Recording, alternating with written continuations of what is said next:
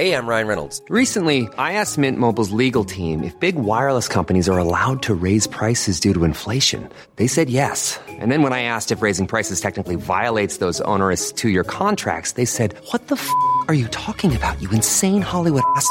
F- So to recap, we're cutting the price of Mint Unlimited from $30 a month to just $15 a month. Give it a try at mintmobile.com slash switch. $45 upfront for three months plus taxes and fees. Promo for new customers for limited time. Unlimited more than 40 gigabytes per month. Slows. Full terms at mintmobile.com. Ever catch yourself eating the same flavorless dinner three days in a row? Dreaming of something better? Well, HelloFresh is your guilt-free dream come true, baby. It's me, Kiki Palmer. Let's wake up those taste buds with hot, juicy pecan-crusted chicken or garlic butter shrimp scampi. Mm. Hello Fresh. Stop dreaming of all the delicious possibilities and dig in at HelloFresh.com. Let's get this dinner party started.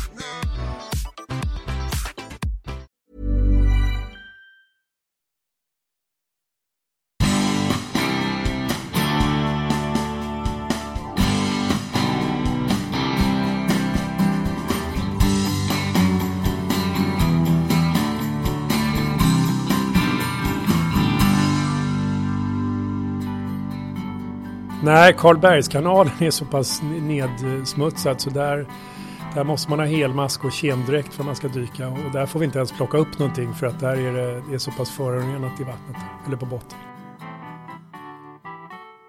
Problemet är när vi sitter här nere och diskuterar det som sker på 8000 meters höjd.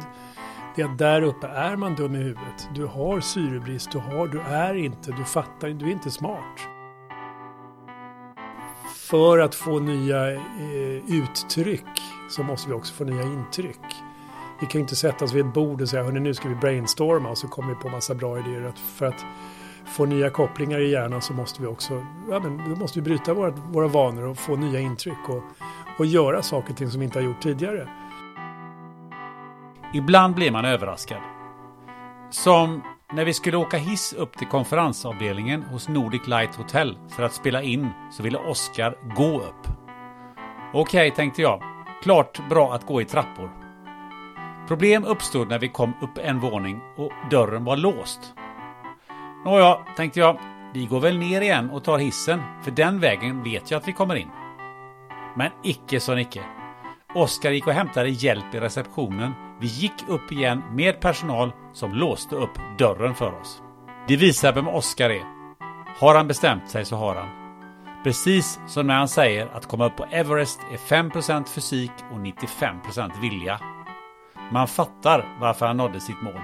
Förutom höga höjder så pratar vi mycket om miljö, rädslor, önskan att bli en kul kommunalpolitiker i nästa liv och vilken betydelse Oscars medverkan i en socialrealistisk adventskalender hade. Jag har redan nämnt Nordic Light Hotel som alltid levererar fantastiska inspelningsmöjligheter och vill naturligtvis även passa på att slå ett slag för poddens partner Attrament Books som tillverkar och säljer fantastiskt fina anteckningsböcker. Men hör du, nu kör vi! Varsågod, här kommer Oskar Kilborg.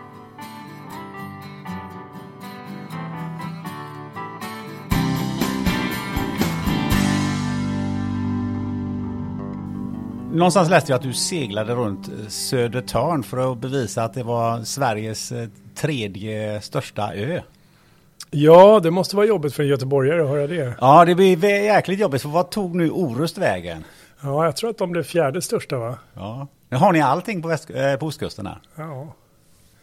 Var det nödvändigt? Eh, ja, nej det var, det var eh, tidningen på kryss som ville göra en grej av det här. Och då, eh, då frågade han mig och så frågade han en tjej som skulle segla och så skulle jag ro runt och så skulle vi, jag vet inte om det var tanken att det skulle vara en, en uh, tävling runt men vi såg inte riktigt, varken hon eller jag var någon vidare tävlingsmänniskor så vi tyckte att vi samarbetar istället. Så tar vi oss runt den här ön.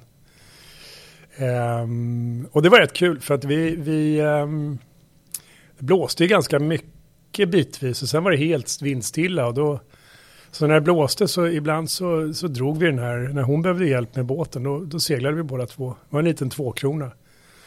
Och sen när det var, när det var stiltje så fick jag eh, boxera henne efter roddbåten. Och jag kommer ihåg att vi var inne i Södertäljekanalen som jag tror är en av ja, väl norra Europas största sluss, eller i alla fall Nordens största sluss. Och slussade klockan eh, halv sju på morgonen i december. Eh, och det var snö, lite snöfall och kallt som bara den. Och när man ropar upp eh, Slussen där på kanal 14 tror jag det var så frågar man för slussa. Eh, jaha, vem är det som anropar? Ja, har inget namn på den här rodbåten men, men eh, en rodbåt som håller på att bogsera en segelbåt. Så öppnar de ju upp slussluckorna och sen in i den där. Jag tror att den är 200 meter lång den där så det tar ju en kvart att ro hela slussen för oss. Ja, härligt. Oskar Kilborg, välkommen till podden Spännande möten. Tack. Ehm, från det till eh, något annat på vatten. Du suppar ju väldigt mycket. Mm. Ehm, på lunchen pratade du om ditt eh, senaste äventyr. Du har varit ute på vintern och, och suppat här. Ja, Hur var det?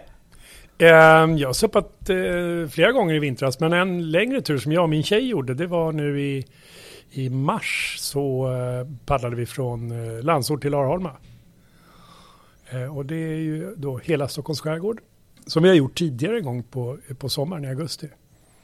Men när vi hade gjort det, det tog ju sex dagar, 100 sjömil, 18,5 landmil.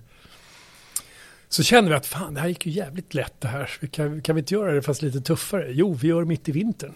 Och förra vintern så var det ingen vinter i, i Stockholm i alla fall. Så då gjorde vi det nu istället. Och fick ni agera lite isbrytare? Och Ja, det var lite mera, det var ju lite is och det var ju kallt och det var, det var lite bökigare. Så det tog, tog nio dagar. Eh, då hade vi en dag i land som vi, när det blåste 17 meter per sekund i byarna, äh, i medelvind och, och 24 meter per sekund i byarna. Då, då valde vi att inte vara ute på vattnet överhuvudtaget. Ja, det är ju till, det är mycket vind även på västkusten.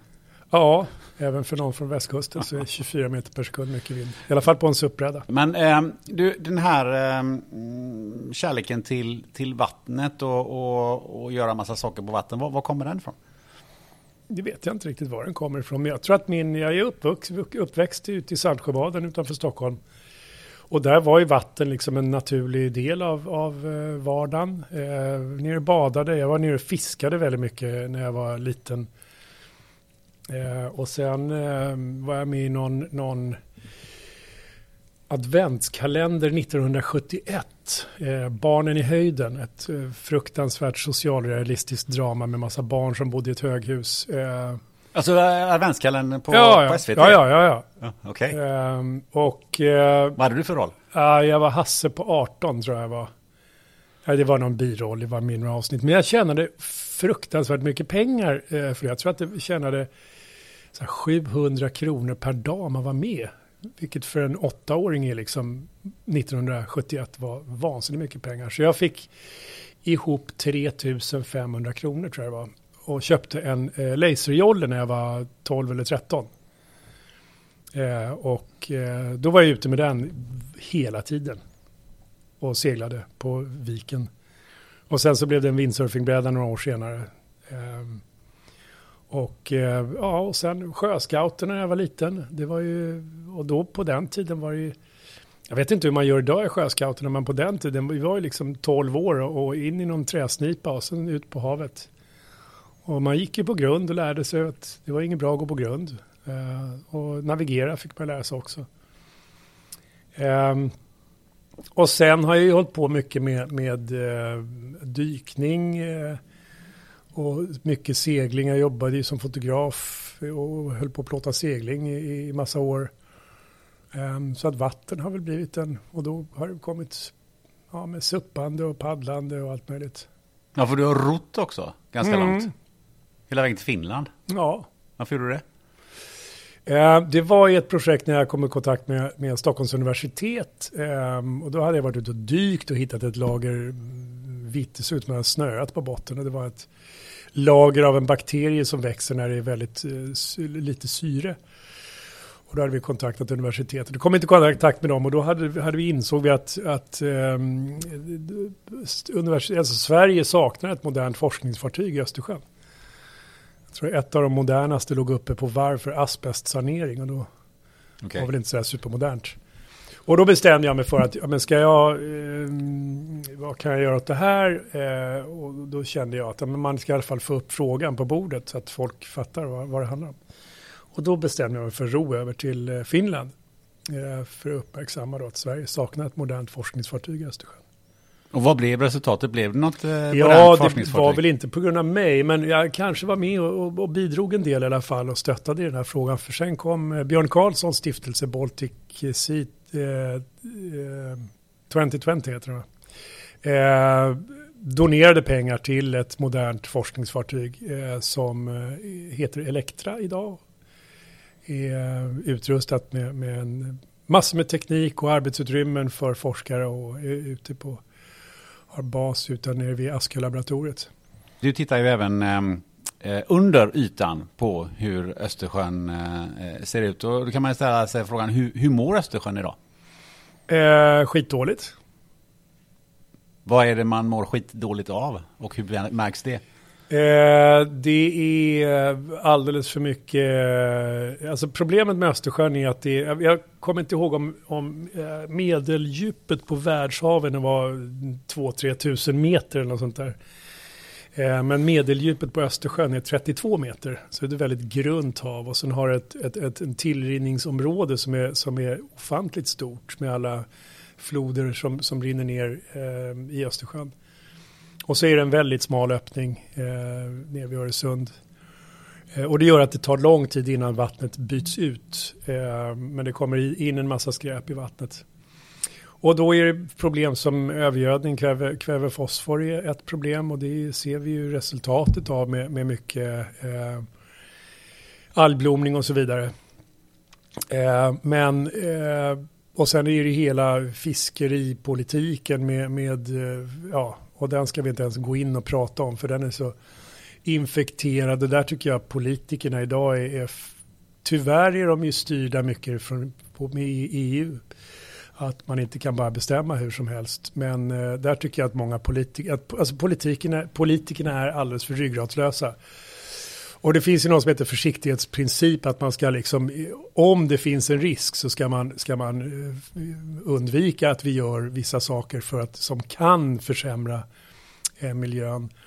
Eh, men det gör man ju inte alltid. Eh, så att fisket, och allting hänger ihop liksom, hela ekosystemet i Östersjön. Så om man, om man nu fiskar väldigt mycket strömming så, så påverkar ju det säl och skarv och abborre och gädda och och små räkor och små, små som käkar upp algerna som, som gör att vikarna växer igen och så vidare. Så det är ett stort kretslopp det där som är eh, svårt. Och, och, jag var dök igår i, i Norr Mälarstrand och plockade upp eh, tillsammans med Rena Mälaren som är en ideell förening som vi har plockat upp. Ja, vi har ju fått upp 100 ton eh, skräp ifrån eh, ja, bara Stockholms kajer. Det är helt otroligt. Ja, 17 ton blybatterier som folk har slängt i vattnet. Eh, tusentals eh, bildäck. Eh, över 500 elskotrar som folk har slängt i. Och när jag dök igår, då, när jag låg vid ytan, så såg jag att min, min dykmask blev alldeles, alldeles inte immig som den kan bli, utan det är alltså olja på utsidan. Och då ligger ett, ett lager olja över hela ytan som liksom utsläpp eh, som har kommit ut.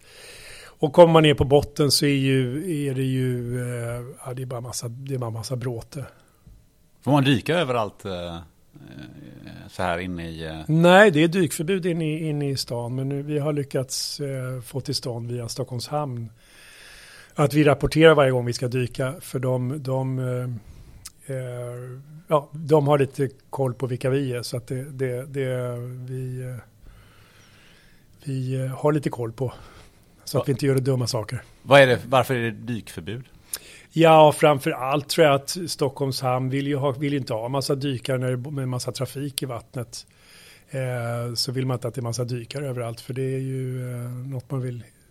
Dykare och båttrafik är ingenting som man vill, vill kombinera helst. Och på något ställe får ni eh, inte dyka överhuvudtaget egentligen? Eh. Nej, Karlbergskanalen är så pass nedsmutsad så där där måste man ha helmask och kemdräkt för att man ska dyka och där får vi inte ens plocka upp någonting för att där är det, det är så pass förorenat i vattnet där, eller på botten.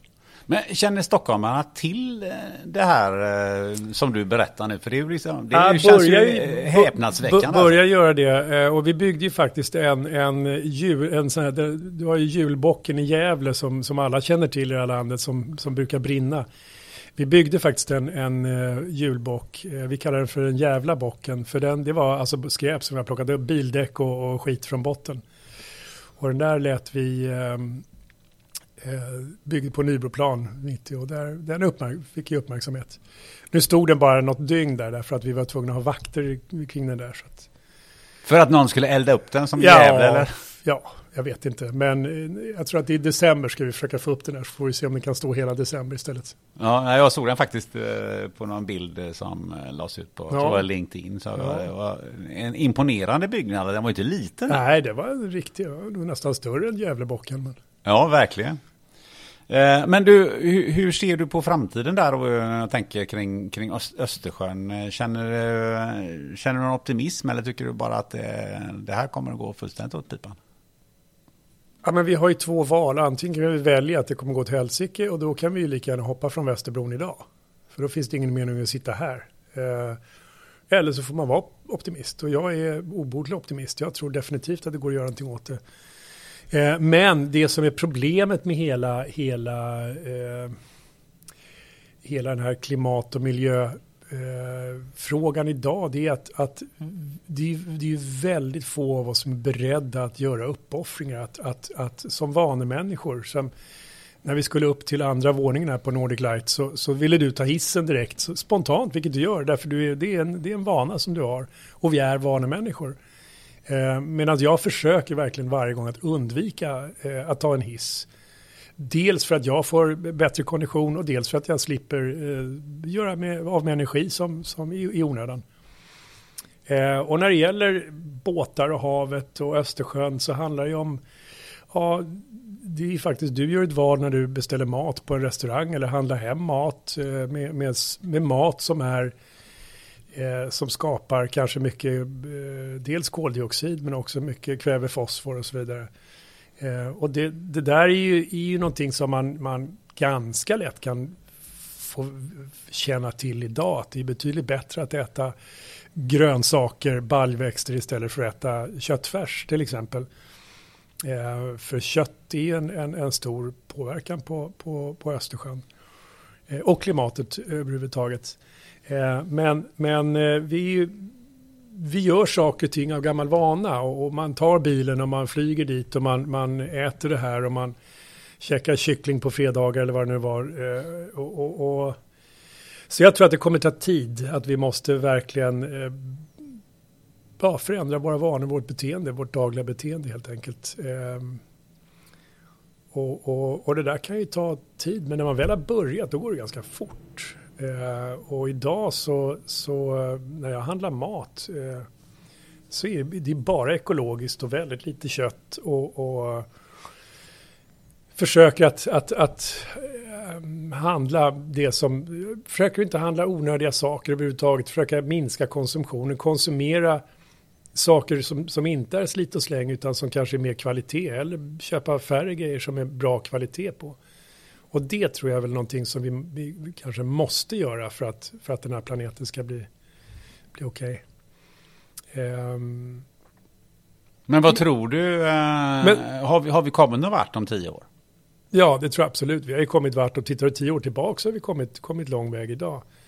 Och tittar på Östersjön så är ju faktiskt, tittar du på 70-talet så är ju, är vattenkvaliteten i alla fall i inre skärgården, om vi, om vi pratar om Stockholms skärgård nu, så är den eh, så är bättre vattenkvalitet än, än på 70-talet. Och det beror på att man, man släppte ut mycket avlopp rätt ut i vattnet så att där, där har man ju blivit, blivit bättre. Och nu, nu eh, bygger man ju ny, nya, nya reningsverk som är, ska vara effektivare, ta hand om, om eh, läkemedel och så vidare på ett bättre sätt. Eh, men det, det, och det är också en sån här grej, man, fan om, om nu 10% av Sveriges befolkning käkar, käkar antidepressiva medel så, så, så hamnar det där ute i, havet och pratar man med forskarna på så säger de att ja, abborren är inte lika rädd för gäddan längre för den eh, käkar ångestdämpande. Så Tjena kompis, hur mår du? Ja, eller hur? Och det är lite skrämmande. Eh, eller att de har svårt att, eh, reproduktion därför att det är rester av p-piller som, som hamnar i, i, i, ute i Östersjön. Och det där är, det är ju naturligtvis, ja, det, det, finns ju en massa tekniska lösningar men det tar ju också tid att, att bygga om och bygga ut och bygga nya reningsverk och så vidare. Jag tänker på, du säger just 70-talet. Eh, vad jag förstår så är du uppvuxen vid, i närheten av, eh, av eh, havet då. Mm.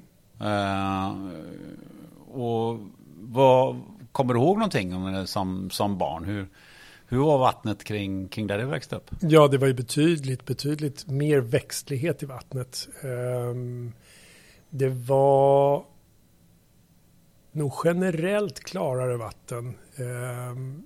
Men generellt var det mindre slam och dy och gyttja på, på botten. Eh, vad jag kommer ihåg. Och det var ju framförallt otroligt mycket mer fisk. Eh, mycket, mycket mer fisk. Man kan sitta på bryggan och meta? Ja, ja. Det fick hur mycket som helst. Eh, och det ju, finns ju fisk idag också, men det är, det är betydligt eh, färre fiskar. Och jag hade pratat med någon, någon eh, fiskeguide eh, för ett tag sedan och han berättade att det är, liksom, det är ingen, snart ingen idé att ge sig ut till fiska gädda längre för det finns så lite kvar. Förutom i Östersjön då, om man, om man tittar lite på, på det du själv upplevde och, och um, ja, men ta en sån sak som, som skolan till exempel. Hur, um, hur, hur uh, var du i skolan? Hur jag var i skolan? Jag var nog någon slags eh, ja, medelmåtta i skolan. Eh, var inte så jävla intresserad av syslöjd. Eh, var oerhört intresserad av filosofi och eh, psykologi. Ehm, så att, äh, men ja, det var väl nog lite sådär. Um, ja, medelmåtta gick väl ut någonstans med, med fyra i snitt i gymnasiet. det är ändå ganska hyggligt va? Ja, det, men det var bra. Eh, väldigt, ja, sådär. Föräldrarna? Pushade de på mycket för att du skulle... Nej, de var väldigt bra. De var akademiker. Min pappa var professor i kemi och min mamma var bibliotekarie. Eh, och de, eh, mina två äldre syskon, de gick ju naturvetenskaplig linje i gymnasiet. Så då halkade jag in där också, men insåg efter ett år att det där var inte riktigt min grej. Så bytte jag till samhällsvetenskaplig.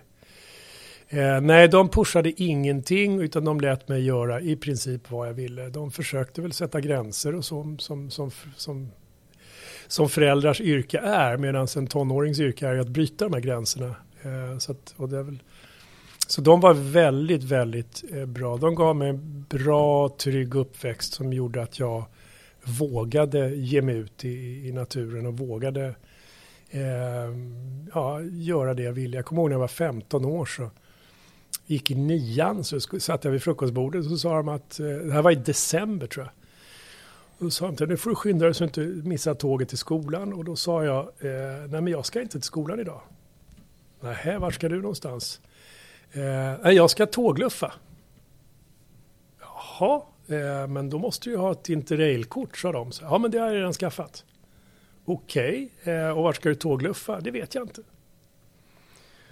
Och det var ju naturligtvis lite diskussioner där, eh, någon halvtimme vid frukostbordet. Men sen släppte de iväg mig. Tyckte, jag, okej, okay, han ska tågluffa, då ska han göra det. Så då reste jag runt i Europa där i, i december. Eh, jag tror inte det var mer än två, tre veckor. För jag kom ner till Thessaloniki i Grekland. Det var ganska kallt i december. Så tyckte jag, det var inte så jävla kul där. Så vände jag hem igen. Men det är inte så många föräldrar som, eh, som reagerar på det sättet, att de släpper iväg en 15-åring. Nej, och speciellt inte utan mobiltelefoner eller någonting, utan det var ju liksom post restante på den tiden. Man fick eh, skriva ett brev och skicka till något postkontor. Eh, så att, nej, det var, så de var nog ganska... Vad kom det sig att de hade den inställningen? Ja du, um, nej, jag tror att, jag tror att de, de insåg nog att, att uh, um, Äh, men han, han hade en sån jädra stark drivkraft åt det här hållet så han får vi göra det som han tycker är bäst. Ehm, och de liksom istället för att stoppa så försökte de knuffa en i rätt riktning vilket jag tycker de gjorde på ett väldigt bra sätt. Var den här drivkraften, fanns den redan då till att eh, se världen eller vad var, vad var det som drev dig och så att det, det, här måste jag göra? För det är också ganska ovanligt för att, för att vara 15 år och framförallt på den tiden.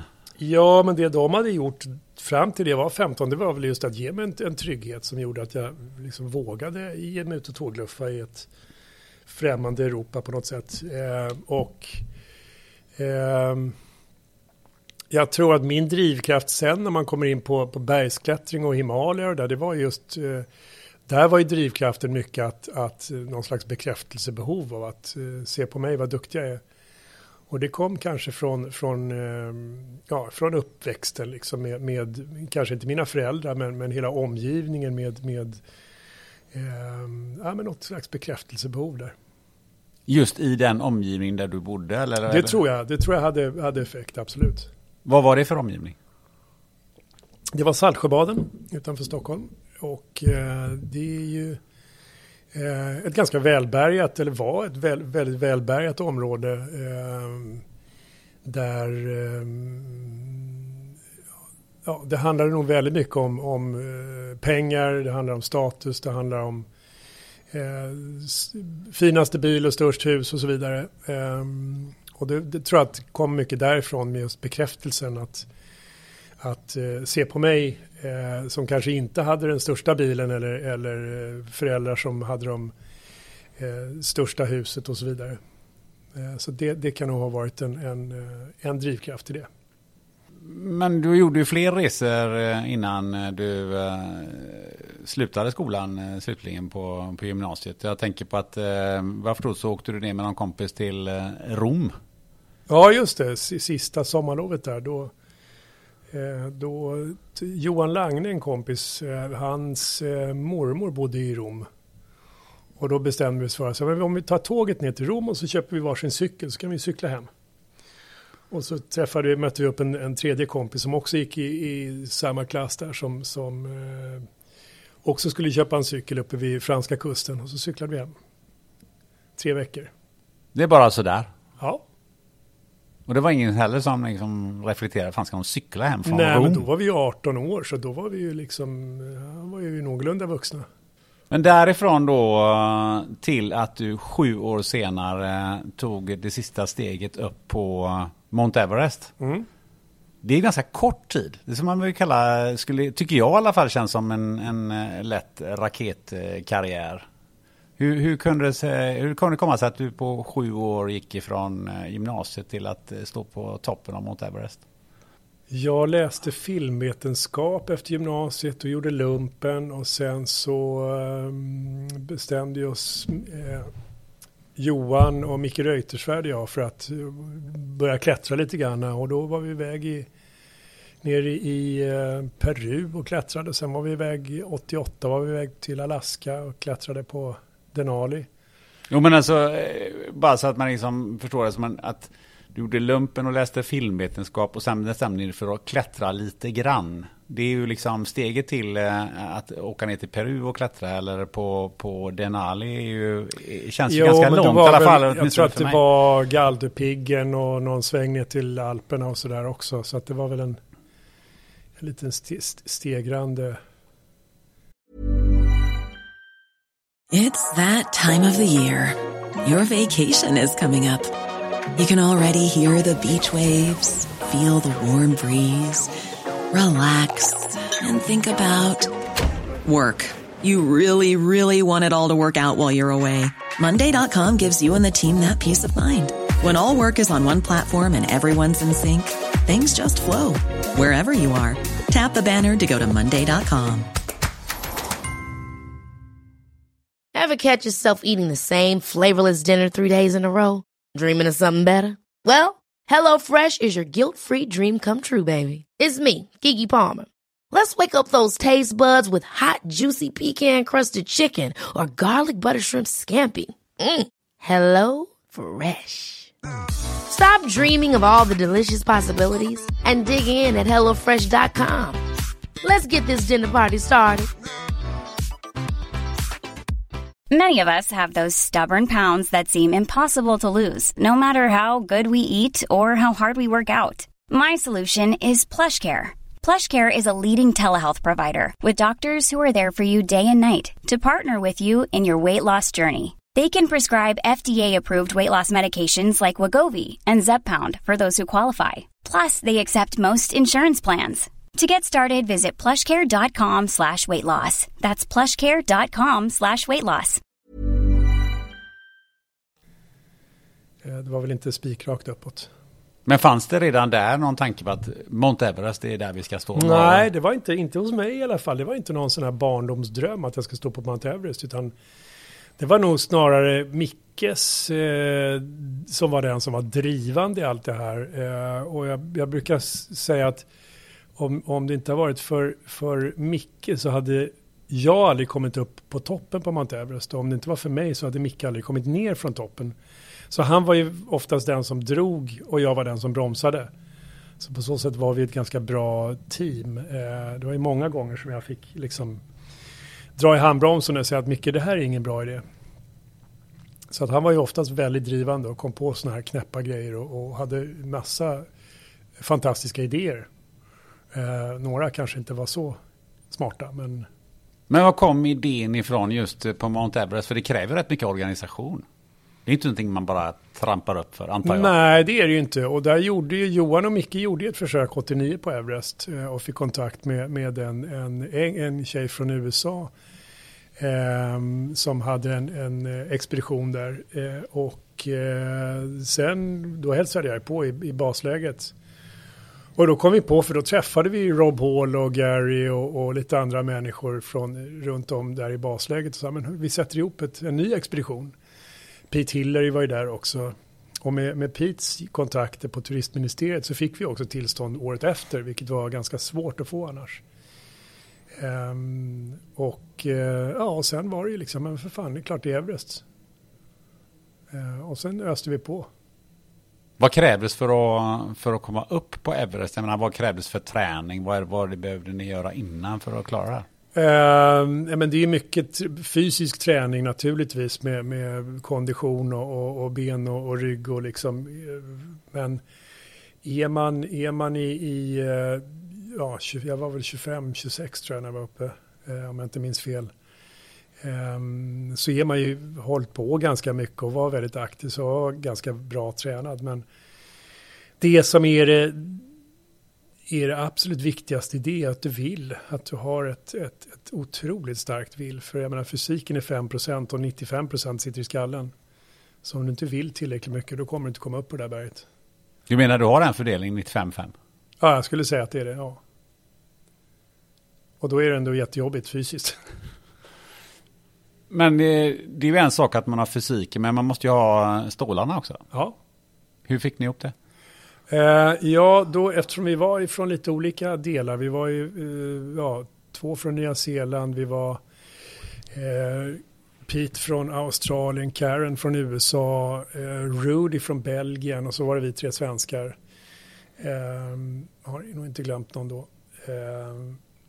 Då bestämde vi för liksom, vi pytsar in det vi, det vi har möjlighet att göra. Och, och eh, vi behövde en satellittelefon och då var det ett företag i Norge som, som gjorde det och då var det naturligt att ja, men då får ni svenskar, eh, skickar man och fax där så att okej, ja, men vi kan ta det för det här ligger företag i Norge och sen var det någon som fixade käk ner från Nya Zeeland och någon fixade det ena med det andra. Och så försökte man få in liksom så mycket, så mycket pengar vi behövde för det, det behövdes ju ändå lite pengar för tillstånd och så vidare. Och, och, och det där ja, men gick ju väldigt, det var ett väldigt, väldigt smidigt sätt som vi gjorde det på. Så att det var, det var liksom alla pytsade in det man kunde. Uh, och i den vevan fick ju vi, då var det en gammal uh, kompis till min stora syster som, som uh, jobbade på reklambyrå och som kom hem till mig och skulle lämna tillbaka 200 kronor som jag hade lånat till honom.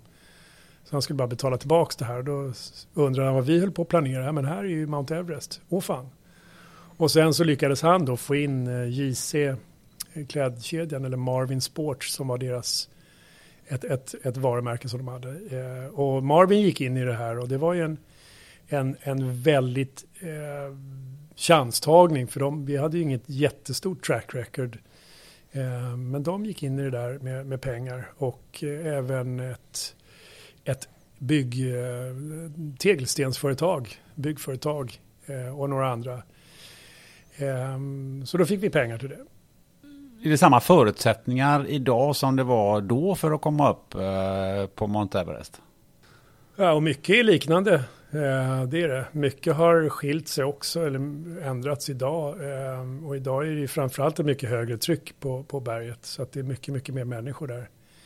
Eh, vilket gör att det, du kanske kommer ihåg de här bilderna om det var två, tre år sedan när det var en kö upp till sista biten upp till toppen med alltså hundratals personer som står i kö. Och det är ju en säkerhetsrisk naturligtvis. Ehm, det vi inte hade på den tiden det var ju fasta rep hela vägen i princip från basläget upp till toppen. Ehm, det hade vi inte 1990 utan då var det ju fasta rep upp för Lotseväggen och, och genom isfallet, that's it. Så att på så sätt har ju klättringen blivit på ett sätt kanske lättare och säkrare men eh, det är väl också en hel del människor som kommer dit som kanske inte borde vara där eh, och då kan man ju ha liksom en personlig skärpa som, som, som hjälper dig liksom och, och, och eh, med, med allting på berget. Så att du behöver inte egentligen kunna klättra överhuvudtaget. Och, och där är väl lite tråkig utveckling tycker jag därför att det är inte bara att du riskerar ditt liv, du, du riskerar din skärpas liv också. Och, och, så det är väl inte riktigt bra. Så jag tycker man borde ha någon slags gräns att du måste ha klättrat upp för en 8000 meters topp eller en 7000 meters topp innan du ska upp för Mount Everest eh, kan jag tycka. Just för att inte riskera eh, Sherpas liv. Ja, för jag har eh, haft Fredrik Sträng här, som ju också har varit uppe på eh, Mount Everest. När jag Just frågade det. honom vad som är vad är det farligaste på Mount Everest så var, kom ju eh, svaret rätt tidsnabbt. Människor. Ja. Jo, men ska, ska du upp idag så har du den här kön där uppe och då är det ju människor som kanske inte riktigt har så bra koll. Um, och jag tror att jag tror att eh, det kanske var en, en, en, en, större empati förr i världen där, där var det någonting som hände på berget, ja men då släppte man allt och så gjorde man allt för att, för att hjälpa den personen. Men idag så hör man ju ganska många historier om, om eh, när man ber om hjälp och då har inte folk tid för man är upptagna med sin egen toppbestigning och så vidare. Och sånt är ju alltid tråkigt. Du, men, eh... Sen finns det ju en massa andra faror med laviner och stenar och oväder och stormar. Men det, det, det håller nog med Fredrik där att det, det, det farligaste på berget är människor. Men vad var det som du hittade i eh, bergsklättringen, eh, förutom det som, som du var inne på, det här med självbekräftelse. Vad var det som, som drog dig eh, till just att, att klättra i berg? Ja, men det är en fantastiskt, det är fantastiskt, alltså, miljön, det är vackert, jag älskar att vara uppe i bergen. Det, det är en, och jag tror att vi har någon slags, ungefär som att vi har nedärvd, eh, eh det, det räcker om, om du står, sitter och tittar in i en eld så känner du att det är ju genetiskt nedärvt, en, en trygghet med, med eld. Eh, och jag tror också att vi har en, en nedärvd, någonting det här med att komma upp på en, på en, på, på en, det behöver inte vara ett berg, men en kulle innebär ju också att, eh, alltså att kommer man upp på en kulle så, så, så, får man en överblick. Om man tänker på att vi har gener sedan stenåldern, att man fick en överblick över landskapet, då kunde man se var man kunde hitta vatten och mat och, och även försvara sig mot fiender och så vidare. Så jag tror att det finns någon slags nedärvd att det ligger i, i, i, våra gener mer eller mindre kanske då hos olika människor. Det här med att liksom ta sig upp på en, på en, eh, på en kulle eller ett berg.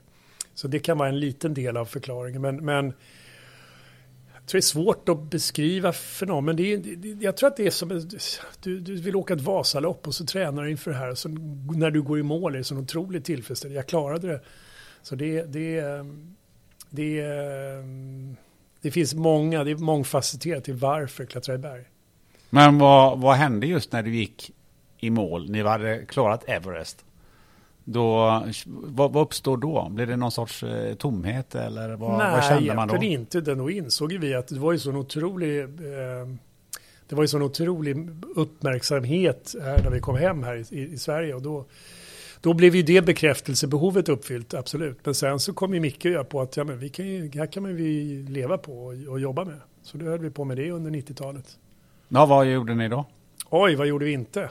Ni besteg ett antal berg i alla fall? Vi var iväg på, uh, året efter var vi på Gasherbrum, en 8000 meters topp i Pakistan. Och året därpå var vi på K2 och året därpå Eh, nej, år, två år efter, 94, då var vi uppe på Lotse som är världens fjärde högsta berg. Eh, och, och, där kom vi upp på toppen. Eh, och sen var det ju en massa, vi dök med vithajar och vi gjorde, flög skärmflyg i Sahara och, och var nere och dök på vrak och gjorde massa hyss.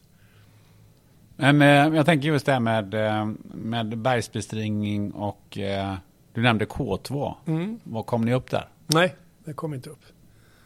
För att? Ja, jag kom inte upp därför att jag käkade, eh, jag fick halsfluss och käkade penicillin och det är ingen bra kombo på över 7000 meters höjd att göra det. Så då vände jag tillbaka istället. Och resten av expeditionen kom inte upp för det var för dåligt väder. Vad jag har förstått så är det det mest svårbestigna berget som, som finns? Nej, det är det inte. Det är det inte? Nej. Vilket är det? Det, det finns berg runt världen som ingen har lyckats bestiga. Ja, nämn några exempel.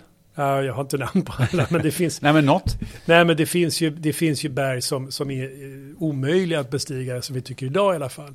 K2, om man tittar på det man brukar säga, det är, det är ju de här 8000 meters topparna, 14 stycken. Och där är väl K2 ett av de absolut svårare. Och svårare tekniskt sett än Everest. Även om det är 250 meter lägre så är det svårare tekniskt sett. Och framförallt så brukar vädret vara eh, lite aggressivare på K2. Så det, det är det definitivt. Men har du något berg som, eh, som du kan nämna på rak arm som, som det är omöjligt att komma upp på? Eh, nej, det brukar inte vara berg. Det brukar vara leder på berg eller vägar ah, okay. för berg som, som, som brukar vara. Och det brukar ju vara sådana här eh, uppmärksammat i klättervärlden att nu har någon lyckats skapa en ny tur på det här och det här, den här leden på det här berget. Och det finns ju det finns ju leder både på K2 Everest och alla 8000 meters toppar som är, är, som man kan titta på idag som vi ser det är fullständigt omöjligt men om 5, 10, 15, 20 år så kommer det komma någon galen eh, person och, och, lyckas med det där och så tycker alla att wow, det där var ju omöjligt. Så vi spränger ju hela tiden. Det är bara att titta på Alex Honnold som, som, som bestiger, om du har sett filmen Free Solo, mm. som, som klättrar utan någon som helst säkring. Eh, upp för en led som, som tog tre veckor med, med bultar och kilar och grejer att göra förr i världen. Nu springer han upp på, på 20 timmar liksom. Och det, det, så att de, de gränserna förflyttas ju hela tiden, vilket är ganska häftigt. Har du provat det själv, eh, friklättring? Ja, det, och det kallas för bouldering idag. Eh, och det gör man ju utan rep, men då är man kanske uppe 2, 3, 4 meter och sen har man en madrass under. Men är du uppe 800 meter så spelar den här madrassen inte så stor roll. Så det, det är lite olika nivåer eh, på det. Jag är absolut ingen, ingen eh, duktig bouldrare, men, men det gör jag inte för att klara av en svår led. Det gör jag för att jag ty kanske tycker det är kul. Eh, och det, man kan ha med sig barn på det också. Det är, många av de här inomhusväggarna ehm, eh, som finns idag, eller inomhusklättercentren, där, där är ju, det finns ju många som aldrig har med rep, utan de går direkt och bara hänger på boulderväggen och, och löser tekniska problem där. Och, och det är ju en, Sen vilken nivå man ligger på, det spelar ingen roll. Bara man har kul och, och, och rör på sig, det är det viktigaste.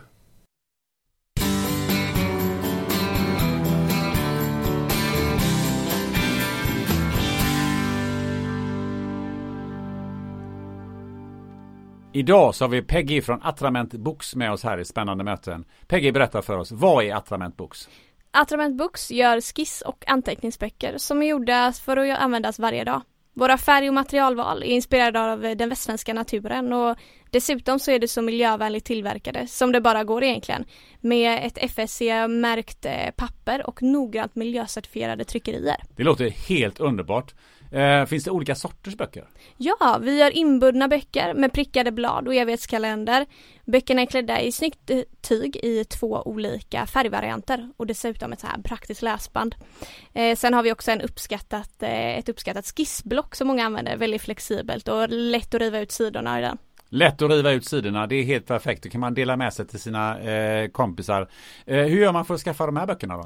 Det gör man genom att gå in på attramentbooks.com. Man gör en liten beställning där, sen tycker jag att man ska använda koden Gunnar15. Då får man ju 15% rabatt på ett köp där.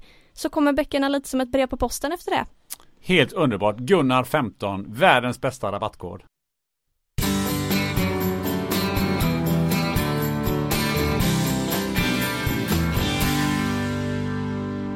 Eh, man tänker på det du sa att eh, det var du som ofta eh, bromsade och, och Micke då var de som, som drog så att säga. Kom du i lägen någon gånger där du sa så att den här expeditionen ska vi inte göra, det här hoppar, här hoppar vi av för det här, är- det här är för farligt? Um, ja, alltså vi har ju vänt på berg, det har man ju gjort. Så det var ju både på Garserbrum och på K2 så vände vi tillbaks. Om du tar- pratar om 8000 meters toppar. Och det var ju för att det här är inget bra. Antingen känner vi oss för dåliga eller så är vädret för dåligt eller någonting annat är, är inte bra. Eh, och då vänder man ju tillbaks. Måste man vara modig för att vända tillbaka? Eh, nej, vet jag inte om behöver man vara modig, men man måste vara dum i huvudet för att fortsätta. Och, och problemet är när vi sitter här nere och diskuterar det som sker på åt- 8000 meters höjd. Det är att där uppe är man dum i huvudet. Du har syrebrist, du, har, du är inte, du fattar, du är inte smart. Så att det är jättelätt för oss. Vi kan sitta och analysera varenda eh, Himalaya-expedition som har gått åt helvete här nere och säga varför gjorde de inte sådär? Och det är helt uppenbart när vi sitter här på havsytan. Men där uppe och då så var vi inte så jädra smarta och vi fattade fel beslut. På grund av att vi inte, på grund av att vi har ganska dåligt omdöme där uppe. Och det gör att det är så himla lätt att döma allting som händer i Himalaya och bergsklättrare som, som, som, som inte klarar det. Så jag skulle säga att varje gång man vänder tillbaka så är det liksom bara tecken på att det är någon som tar det säkra för det osäkra. Alltså du ska ju fatta beslut utifrån att du har dåligt omdöme. Eh, och det är inte så himla lätt alla gånger att göra det. Du nämnde självbekräftelse eh, som, en, som en drivkraft. Kan det vara en farlig drivkraft? Absolut. På vad sätt då? Nej men det, det, det är som alla drivkrafter kan ju vara farliga. Det, om du har gått runt och så har lovat dina sponsorer att ja, men nu jäklar den här toppen ska vi upp på. Och sen vet du att det, det är massa som sitter där hemma och förväntar sig att du ska komma upp på en topp. Då är det ju svårare att vända tillbaks, såklart. Men det är lite där som modet kommer in som jag for efter alldeles nyss. Att man vågar säga, att man vågar ta det beslutet. Ja, kan, jag vet inte om jag kallar det mod, det kanske är mod. Men jag, jag eh, det är möjligt att det är modigt. Det, det, det tror jag inte, utan det är väl snarare sunt förnuft som, som kommer in. Jo, men det måste ju ändå vara så att, eh, för det finns ju ändå en viss rädsla för, för ett misslyckande. Om man, alltså hur, hur andra dömer dig, eller om du, om du har det som en självbekräftelse som, som en drivkraft. Så blir du ju inte bekräftad då om du, nej, du kommer ju inte Ja, upp. det kan man väl bli. Det, nej, men jag tror att bekräftelsebehovet var snarare på Everest och sen så var det kanske inte samma bekräftelsebehov efter det. Men, men eh, och jag menar K2, eh, det. Alltså bekräftelse, det är någonting som, som vi alla har och det är väl kanske därför man sitter här idag, eh, du och jag sitter här idag, för att vi vill att andra ska, ska lyssna på någonting klokt och smart och roligt och, och så vidare. Eh, och jag menar, titta på sociala medier skulle inte existera om vi inte hade bekräftelsebehov idag. Eh, så att det, det är väl någonting som alltid finns, det är en, en, en, en grundläggande behov hos män, människan idag med bekräftelse. Sen får den inte vara för stor så att vi blir ett, ett, ett, ett jätte ego som springer runt. Och, och, och, ehm, så jag vet inte, det är klart som sjutton att det, om du kommer upp på, på, på, ett, på ett högt berg så är du tvungen att vända någonstans eh, från toppen. Ibland är det ganska självklart att man vänder tillbaks. Eh, om det blir en orkanvindar eller vad det nu är. Ibland är det kanske, ja, men vi orkade inte, vi, var liksom, vi tog slut. Ehm, och då kanske det finns andra orsaker. Det, det är klart att målet är ju att komma upp till toppen. Men målet är ju också att komma ner från toppen och komma tillbaks. Ehm, och jag skulle inte säga att ett misslyckat, en misslyckad expedition är inte att komma upp. Utan en misslyckad expedition det är om man, det är om man dör och inte kommer tillbaks därifrån. Men kan det finnas ett behov av att, eh, att ta risker också hos en människa? Att uppleva den här adrenalinkicken när det Ja, nästan det går finns, det finns nog, det finns nog, eh, och där är också väldigt varierat beroende på hur amygdala funkar med, med, med om vi, om vi är, reagerar överhuvudtaget. En del behöver ju väldigt mycket stimuli för att få svar på, på det, medans, apropå Alex Honnold där, eh, medans en, en, en kanske mer normal människa eh, kan du sätta på ett, på ett tak här på, på Vasagatan, eh, åttonde våningen och, och så, då, då eh, börjar nog darra i benen och man får svindel och så vidare. Men risk, ja, man brukar ju prata om adrenalin-junkies och det, det, Eh, det skulle ju nog inte jag säga att jag är egentligen. Men, men jag söker, söker ju naturligtvis utmaningar och, och eh, ett sånt äventyr som tillsammans med min tjej med, med, med Stockholms skärgård på en suppräda i, som, i, för, nu i mars här. Det, det är inte adrenalin så mycket utan det är mer att, att få göra, eh, ja, när vi gjorde det första gången, det var ju så hade vi semester. Vad ska vi göra på semestern? Ja, men vi paddlar. Och då så, ja, men vi, var ska vi? Ja, men vi paddlar till Arholma från Landsort. Så det var ju en fantastisk härlig semester. Nu kanske det inte var så mycket semester här i, i vintras, men, men eh, det var en kul, ett kul äventyr att göra någonting tillsammans med någon man tycker om. Är ju härligt. Men när man gör de här eh, väldiga utmaningarna, hur, eh, hur hanterar man rädsla? Ja, hur hanterar man rädsla? Jag förstår inte riktigt hur du menar. Nej men så här, att... Eh, mm, om vi börjar så här då, var du, var du rädd någon gång när du var där uppe? Oj, jag har varit rädd massor med gånger när jag har gjort äventyr och det hoppas jag kommer fortsätta vara. För rädslan är ju bara ett, ett, ett fantastiskt varningssystem som gör där Hjärnan talar om för kroppen att Oskar, nu är en situation som du kanske inte behärskar eller det finns faktorer i den här situationen som gör att du måste vara på din vakt. Eh, och då skärper jag till mig och sen eh, så det är ju jättebra. Jag är inte rädd någon gång om jag ska upp på ett högt berg, då är det ju, då är det ju farligt. Men jag tänker också på rädsla kan ju också hos vissa människor eh, Eh, paralysera eller man blir rädd och man, man, man blir sämre på att röra på sig, man blir sämre att, ja, du menar att, ta att du, grepp. Mer, mer att du hamnar i panik? Ja, eller att man liksom, för rädsla är ju inte alltid någonting som gör att man heller eh, hanterar saker och ting rationellt. Det tror jag nog Nej, man kan det känna kanske igen inte är. Men du får inte gripas av panik, att du, att du, det, det är ju inget bra. Utan där får man väl lära sig att, att, att lyssna på rädslan innan den blir för stor. Men det är klart, ramlar ett stort stenblock eh, två meter ifrån dig från 500 meters höjd, då är det klart som 17 att då reagerar ju reptilhjärnan och jag kanske hoppar till och, och, och, och så det är klart att sådana situationer kan ju hända. Ehm, men att, att bli rädd, det blir man ju lite titt som tätt, så det tycker jag bara är bra att, att det finns den, det varningssystemet. Och då kan man undra då, vad är det man blir rädd för? Mm. Blir man rädd för att dö? Eller blir man, vad, vad, är, vad består den här rädslan av? Uh, ja, du, det finns ju en svår fråga. Vad består rädslan av? Uh, Eller vad, vad är man rädd för? Ja, uh, dö ska vi alla göra, så det är väl ingenting man borde vara rädd för egentligen. Det är vi ju av någonstans per automatik så vill vi överleva. Annars skulle vi inte se oss om när vi går över gatan. Ehm, men eh, det är inte, sen är inte det heller en dödsångest utan det är ju någonting annat kanske.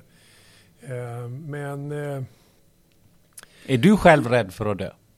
Eh, jag säger att jag inte är det, men jag, jag, vet inte hur jag kommer reagera när jag får ett besked när jag är 120 år gammal att Oskar nu har en vecka kvar för nu har du en, eh, någonting här som gör att du kommer dö om en vecka. Eh, då vet jag inte hur jag reagerar, men jag brukar säga att jag är, skulle nog vara ganska tacksam om jag fick veta idag, för att jag har haft ett helt fantastiskt liv, så jag skulle säga ja, det var väl eh, det var liksom bra det som var. Jag är så himla nyfiken på det som kommer efter också. Så att jag Ja, men det är lätt att säga när man inte är i en situation som handlar om när man är döende. Eller det är vi i och för sig, vi är ju döende från det vi föds så är vi, är vi ju faktiskt döende. Och det är någonting som vi alla kommer att göra. Eh, men eh, så jag vågar inte svara, förmodligen är det väl så att man, man blir väl eh, det är klart, det är situationer där jag har varit nära att dö. Men, men, och då, då är det klart då, då blir, kommer det upp tankar i huvudet. Men, men jag tror att jag skulle få det ganska... Det beror också väldigt mycket på situationen och var, var man är just nu, i, vilken situation man är i. Och, um...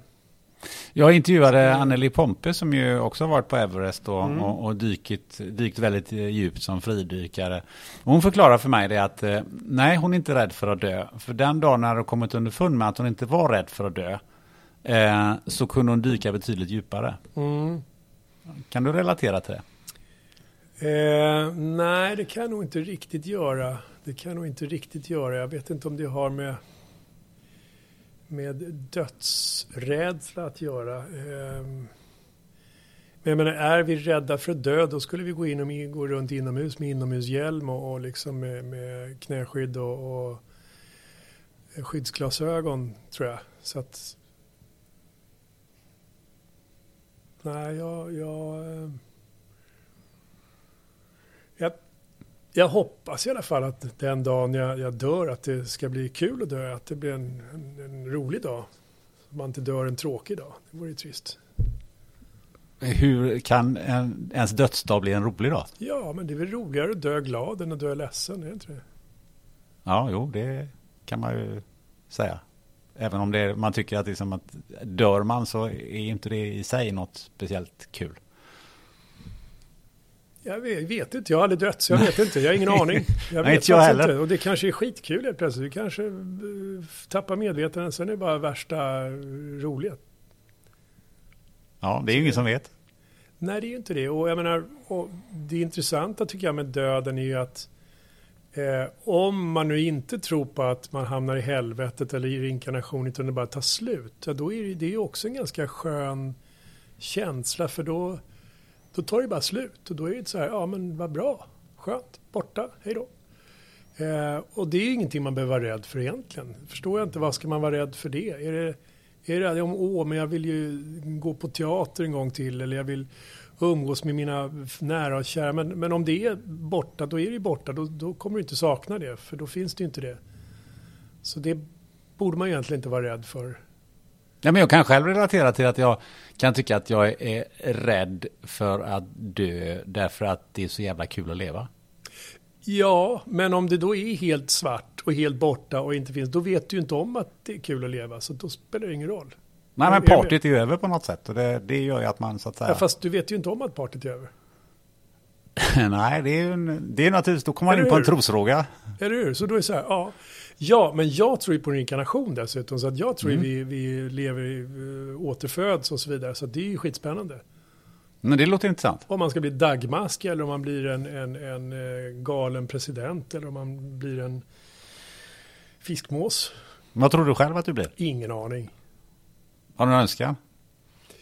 Eh, ja, men jag skulle vilja ha, ja, eh, blev lite filosofiskt där. Ja, ehm, det kan nej, ju få, få vara. Jag, inte. jag skulle nog kunna tänka mig vara någon... Vad skulle jag vilja bli? Uh, alltså det finns ju så många djur som skulle vara coolt att bli. Allt ifrån sengångare till en gepard till en... en uh, alltså tänk att vara en flodhäst vore ju så jävla läckert. Stor och klumpig och ligga och glufsa i sig sjögräs. Eh, eller en delfin som simmar runt i havet vore fantastiskt. Eller, eller en, eh, en, en örn som är uppe och flyger och bara ligga och flyga runt hela dagarna vore ju också härligt. Eh, ja, det finns många djur man skulle kunna vara. Mm. Eller en rolig människa. Tänk att bli en, en, en, en rolig eh, en rolig kommunalpolitiker någonstans kanske man skulle bli. Rolig kommunalpolitiker, och ja, det, har vi inte så många. Så det nej, kanske... vi har ju inte det, så kanske det var dags för det.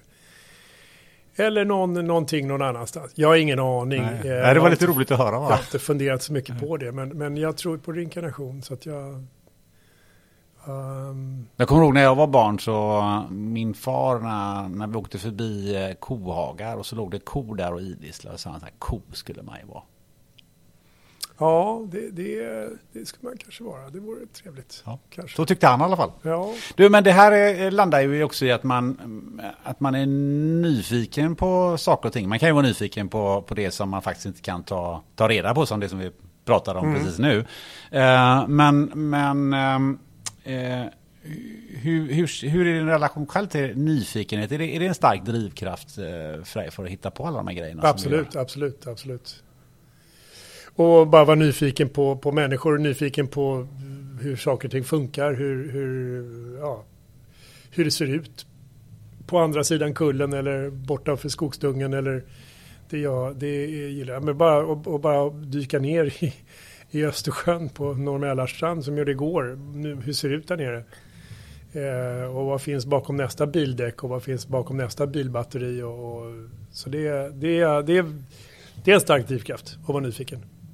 Handlar det också om att eh, hamna utanför komfortzonen?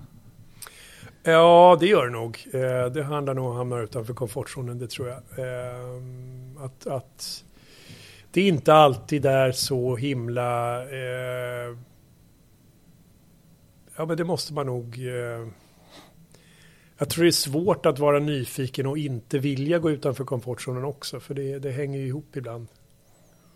Ganska ofta det där. Jag har läst mig till att du, du, du ska alltid handla någonting som är som du inte handlat förut. Ja, ja det, var, det var, det var um, någon idé. Jag fick jag prata med någon kompis där för länge sedan. Som, som just att, att man, man, när man, det handlar om att tänka annorlunda. Och, och det där är rätt intressant. För, för um, jag brukar föreläsa mycket om eh, för om vi gör som vi alltid har gjort så hamnar vi där vi alltid har hamnat. Så för att, hamna, för att bli ännu bättre så måste vi tänka annorlunda. Annorlunda är ju tyvärr, har ju en negativ klang i, i, i svenska språket i alla fall. Att vara annorlunda är ju ingenting positivt. Utan det är någonting som snarare är någonting negativt. Eh, Medan på engelskan, different eller think different är ju, är ju, har en lite mer positivt laddad klang. Och, eh, så jag brukar ju nästan använda mig av ordet kreativitet istället. För, för det har ju en positiv klang i Sverige i alla fall. Mm. Att vara kreativ, det är ju ingenting som är negativt vanligtvis. Um, och då, för att få nya eh, uttryck så måste vi också få nya intryck.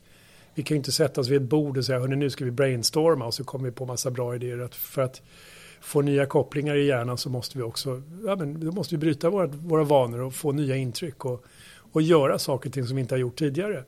Eh, och, och, och, beställa mat som vi inte har beställt tidigare och, och, gå på något museum som vi aldrig varit på eller prata med en granne vi aldrig pratat med eller, eller lyssna på små barn som, som, eh, har alla, som inte har de här skygglapparna som vi vuxna har.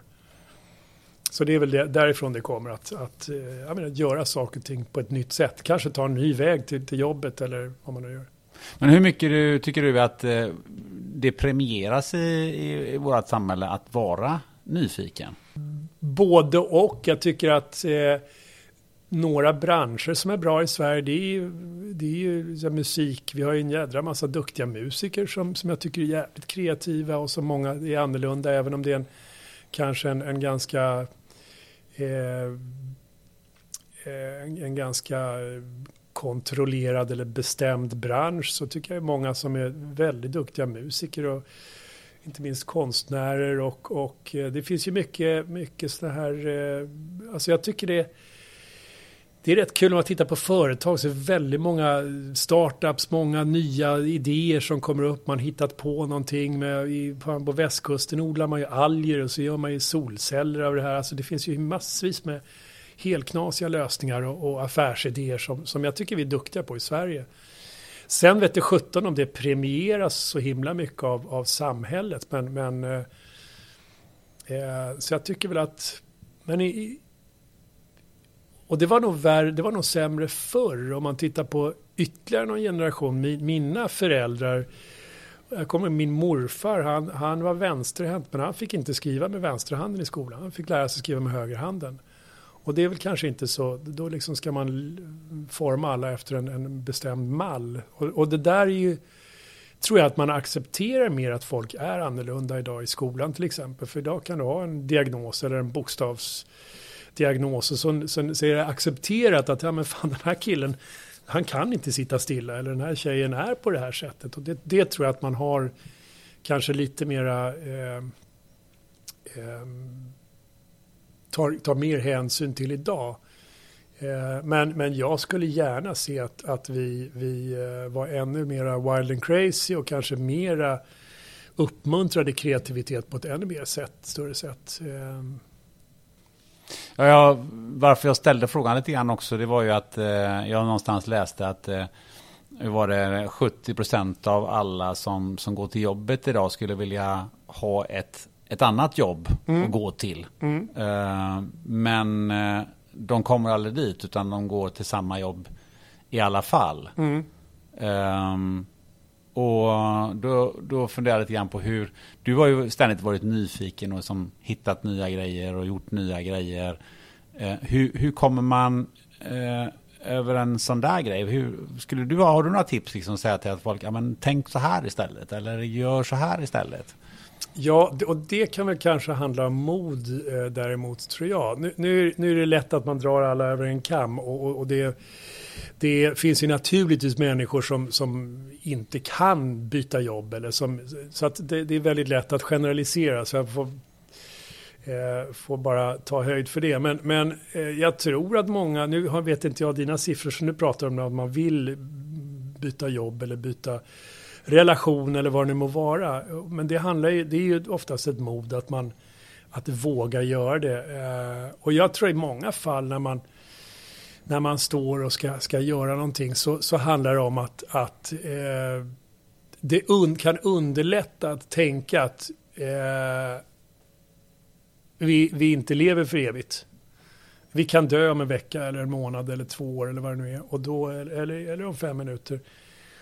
Och att livet inte är oändligt långt. Eh, och då kan det vara lättare att faktiskt tänka på att ja men vad fan, det är väl bara att, att testa och prova.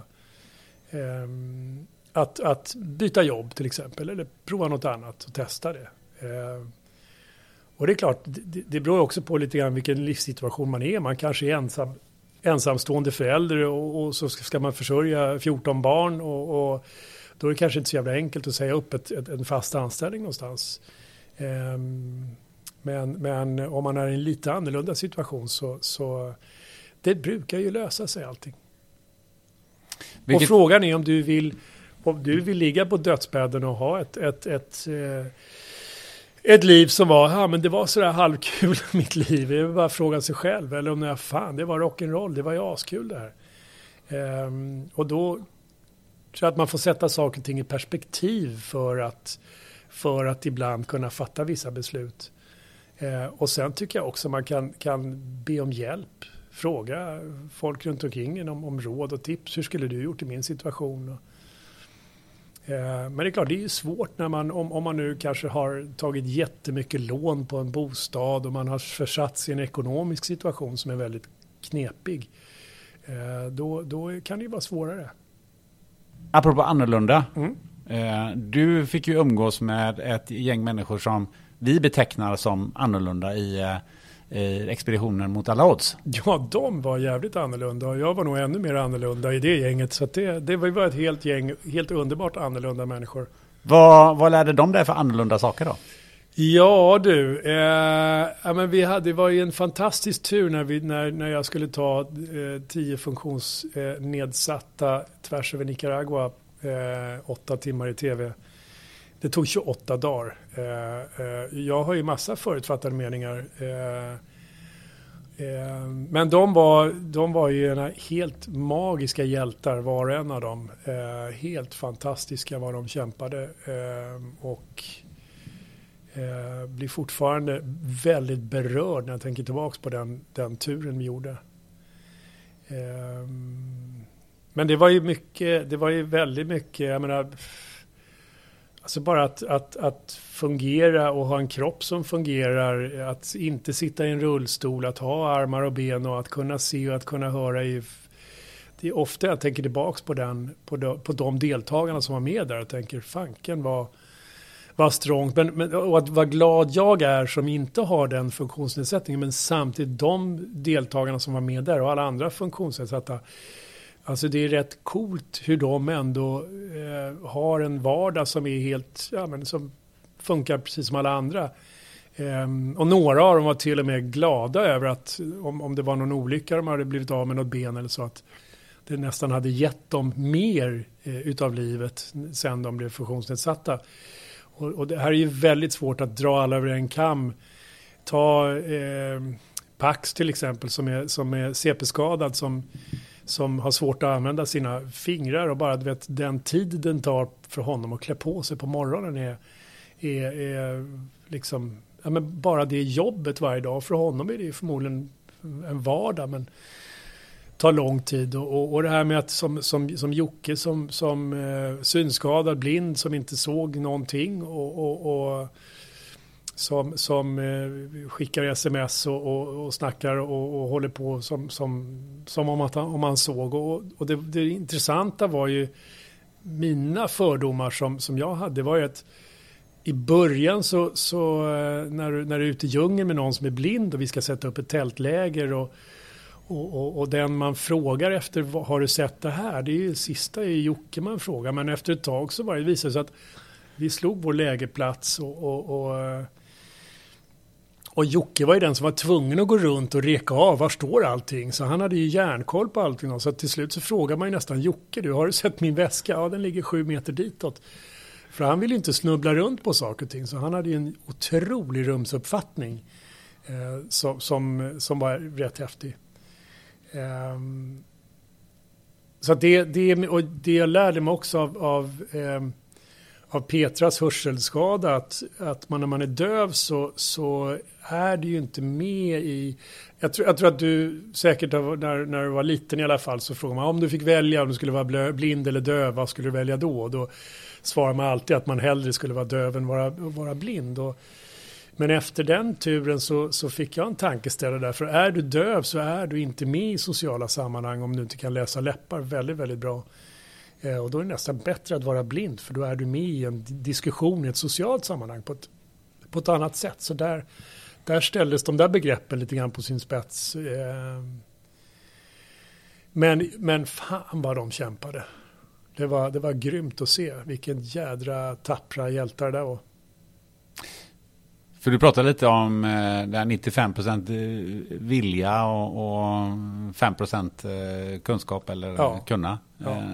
Det är väl ett exempel på 95% det, det är det verkligen. Det är det verkligen.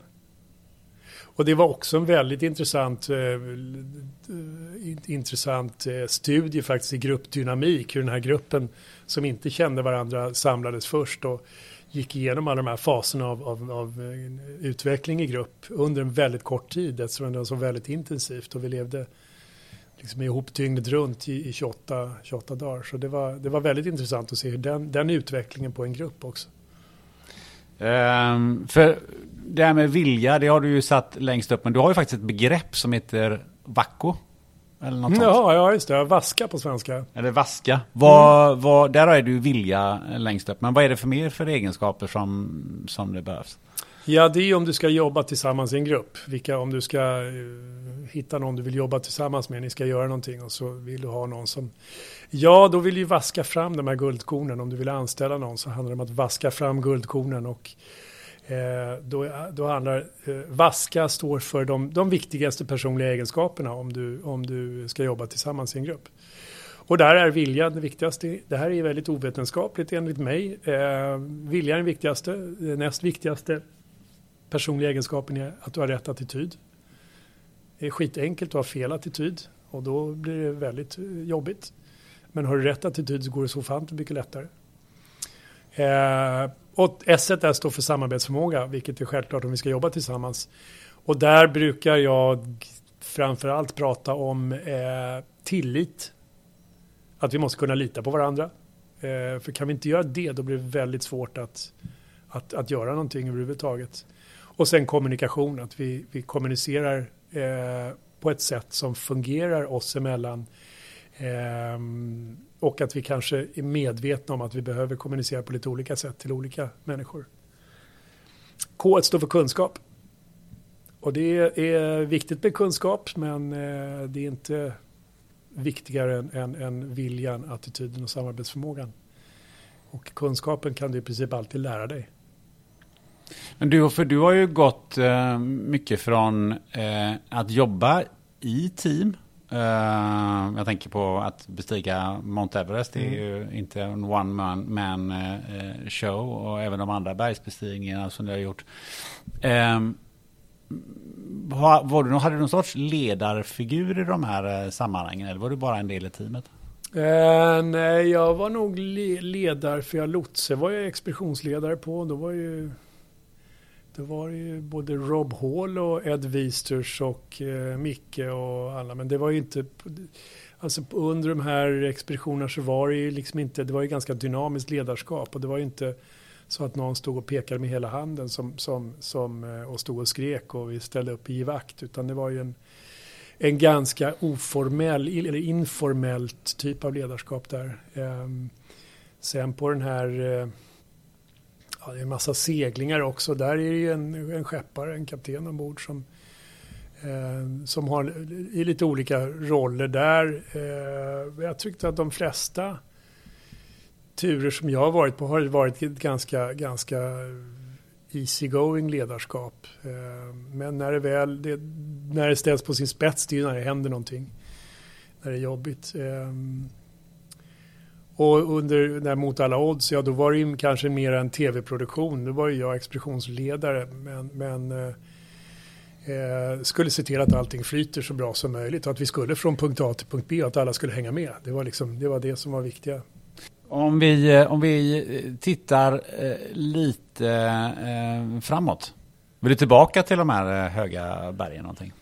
Eh, ja, det vill jag hemskt gärna tillbaks, men jag tror inte att jag har drivkraften att klättra upp för en 8000 meters topp idag igen. Eh, det vet man inte, kanske blir någon av topparna, men jag känner inte att det är eh, det känns lite sådär motsägelsefullt också. Jag höll ju på med turen ner till Kilimanjaro förut och, och, tog upp människor dit. Och, och när jag var uppe där så, så senaste gången var väl för tre år sedan eh, så, så var jag uppe där och så ser jag hur den här glaciären har smält ännu mer i år. Ja men vad tror du idiot, om du flyger hit folk så är det klart att glaciären smälter. Så att då bestämde jag för mig, då kan jag inte hålla på och ta hit folk på en nöjesresa. Eh, för att eh, ja, klättra upp för ett, för ett berg och sen ser man glaciären smälta. Och det, och, och, det där känner jag just med flyget att det är väl ingen, ingen inte så smart att flyga om vi, om vi nu är rädda om de här, den här planeten, att vi flyger runt till höger och vänster. Det är jättebra att vi kan flyga och ibland har vi inget alternativ men, men jag tycker inte att det var, jag kände att jag, jag har i och för sig flugit jättemycket förr i världen Eh, och det var innan man liksom, ja, men, visste kanske eller att, att det hade en, en effekt på, på, på vårt klimat och koldioxidutsläpp och så vidare. Ehm, men jag kände att det var, det var inte riktigt förenligt med att vara naturvän och äventyrare att flyga runt folk tvärs över planeten. Ehm, så att där känner jag också varför ska jag då iväg ner till, flyga ner till Himalaya och och eh, klättra upp för ett högt berg för att ja, jag tror inte att den här planeten mår så mycket bättre av att, att göra det. Så det, det, det, det är ju lite grann emot mitt tidigare liv som, som äventyrare i Himalaya men på den tiden så var det ju liksom ingenting man, man överhuvudtaget, det var ju en icke-fråga. Eh, men idag är det ju eh, det är bara att titta på ditt eget koldioxidutsläpp och lägger du in en flygning till Nepal i den så, så har du ju liksom lika mycket som du gör av med i mat under ett helt år. Eh, så det, det är ju ganska...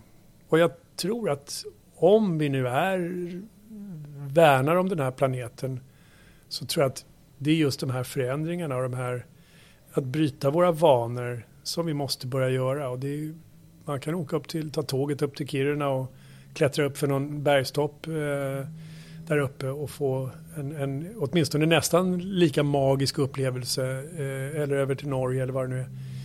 Um, så att jag, jag um, men eh, jag, jag, tänker att eh, Corona har ju också medfört att eh, väldigt många upptäcker sitt eget eh, Absolut. land. Absolut, och det är ju en eh, fördel. Och, och, det är ju en, det är en fördel och det kanske människor kommer att göra framöver också just med, med tanke på det du säger.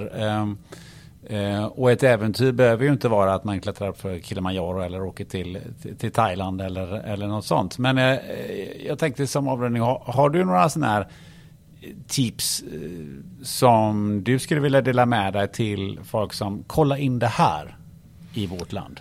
Ja, det har jag. Eh, jag menar, det, det är ju...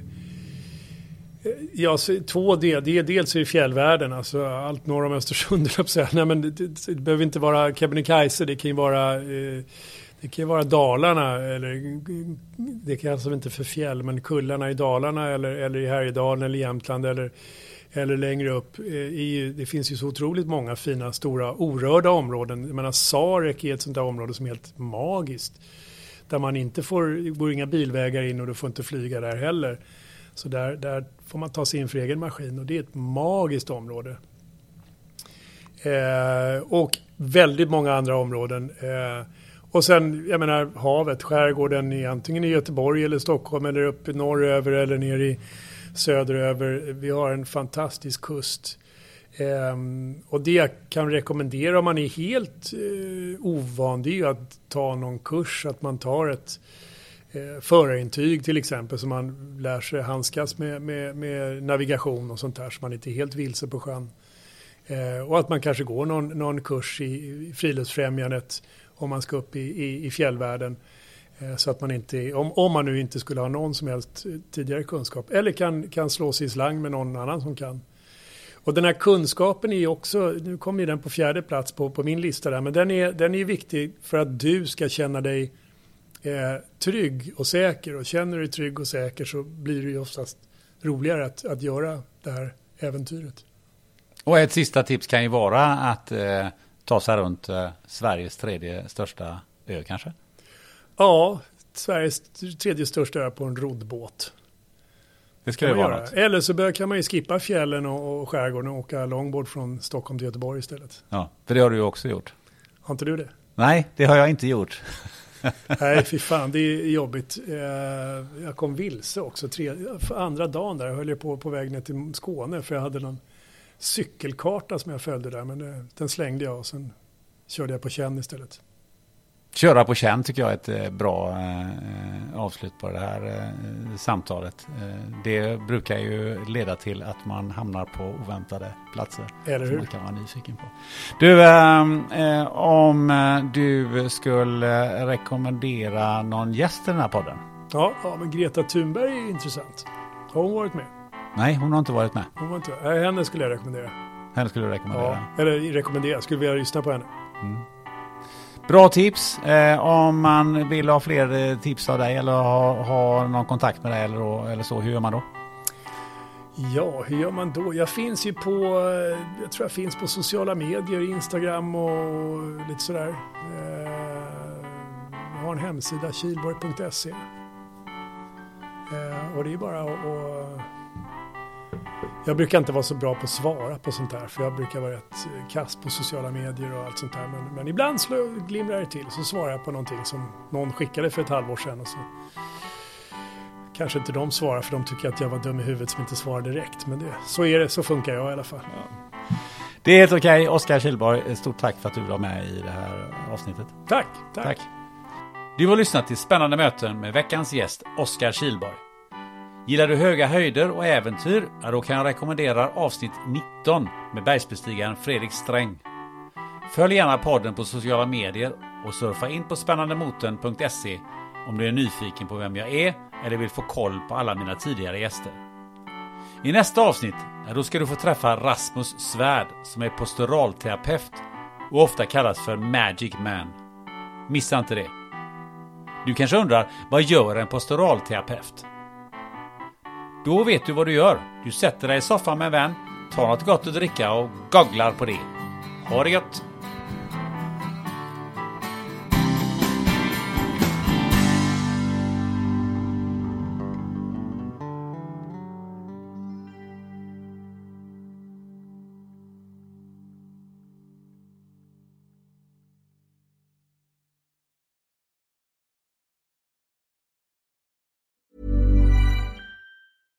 Ever catch yourself eating the same flavorless dinner three days in a row? Dreaming of something better? Well, HelloFresh is your guilt-free dream come true, baby. It's me, Kiki Palmer. Let's wake up those taste buds with hot, juicy pecan-crusted chicken or garlic butter shrimp scampi. Mm. Hello Fresh. Stop dreaming of all the delicious possibilities and dig in at HelloFresh.com. Let's get this dinner party started. Hi, this is Paige from Giggly Squad, and I want to talk to you about Splash Refresher and my water intake. Okay, so you guys obviously know that I'm a hydrated girly, but sometimes when you drink that much water, it starts to just taste bland and you're just like, I need something to spice it up. That's why I love Splash Refresher. It has zero sugar, zero calories, and it's a splash of sweetness. And they come in five different flavors. They're so good. Wild berry, acai grape, pineapple mango, lemon, and mandarin orange. My favorite is the wild berry because I just I just love a berry. So if you're like me and you're drinking water all day, then try Splash Refresher. It's going to absolutely change your water game and it's good for you.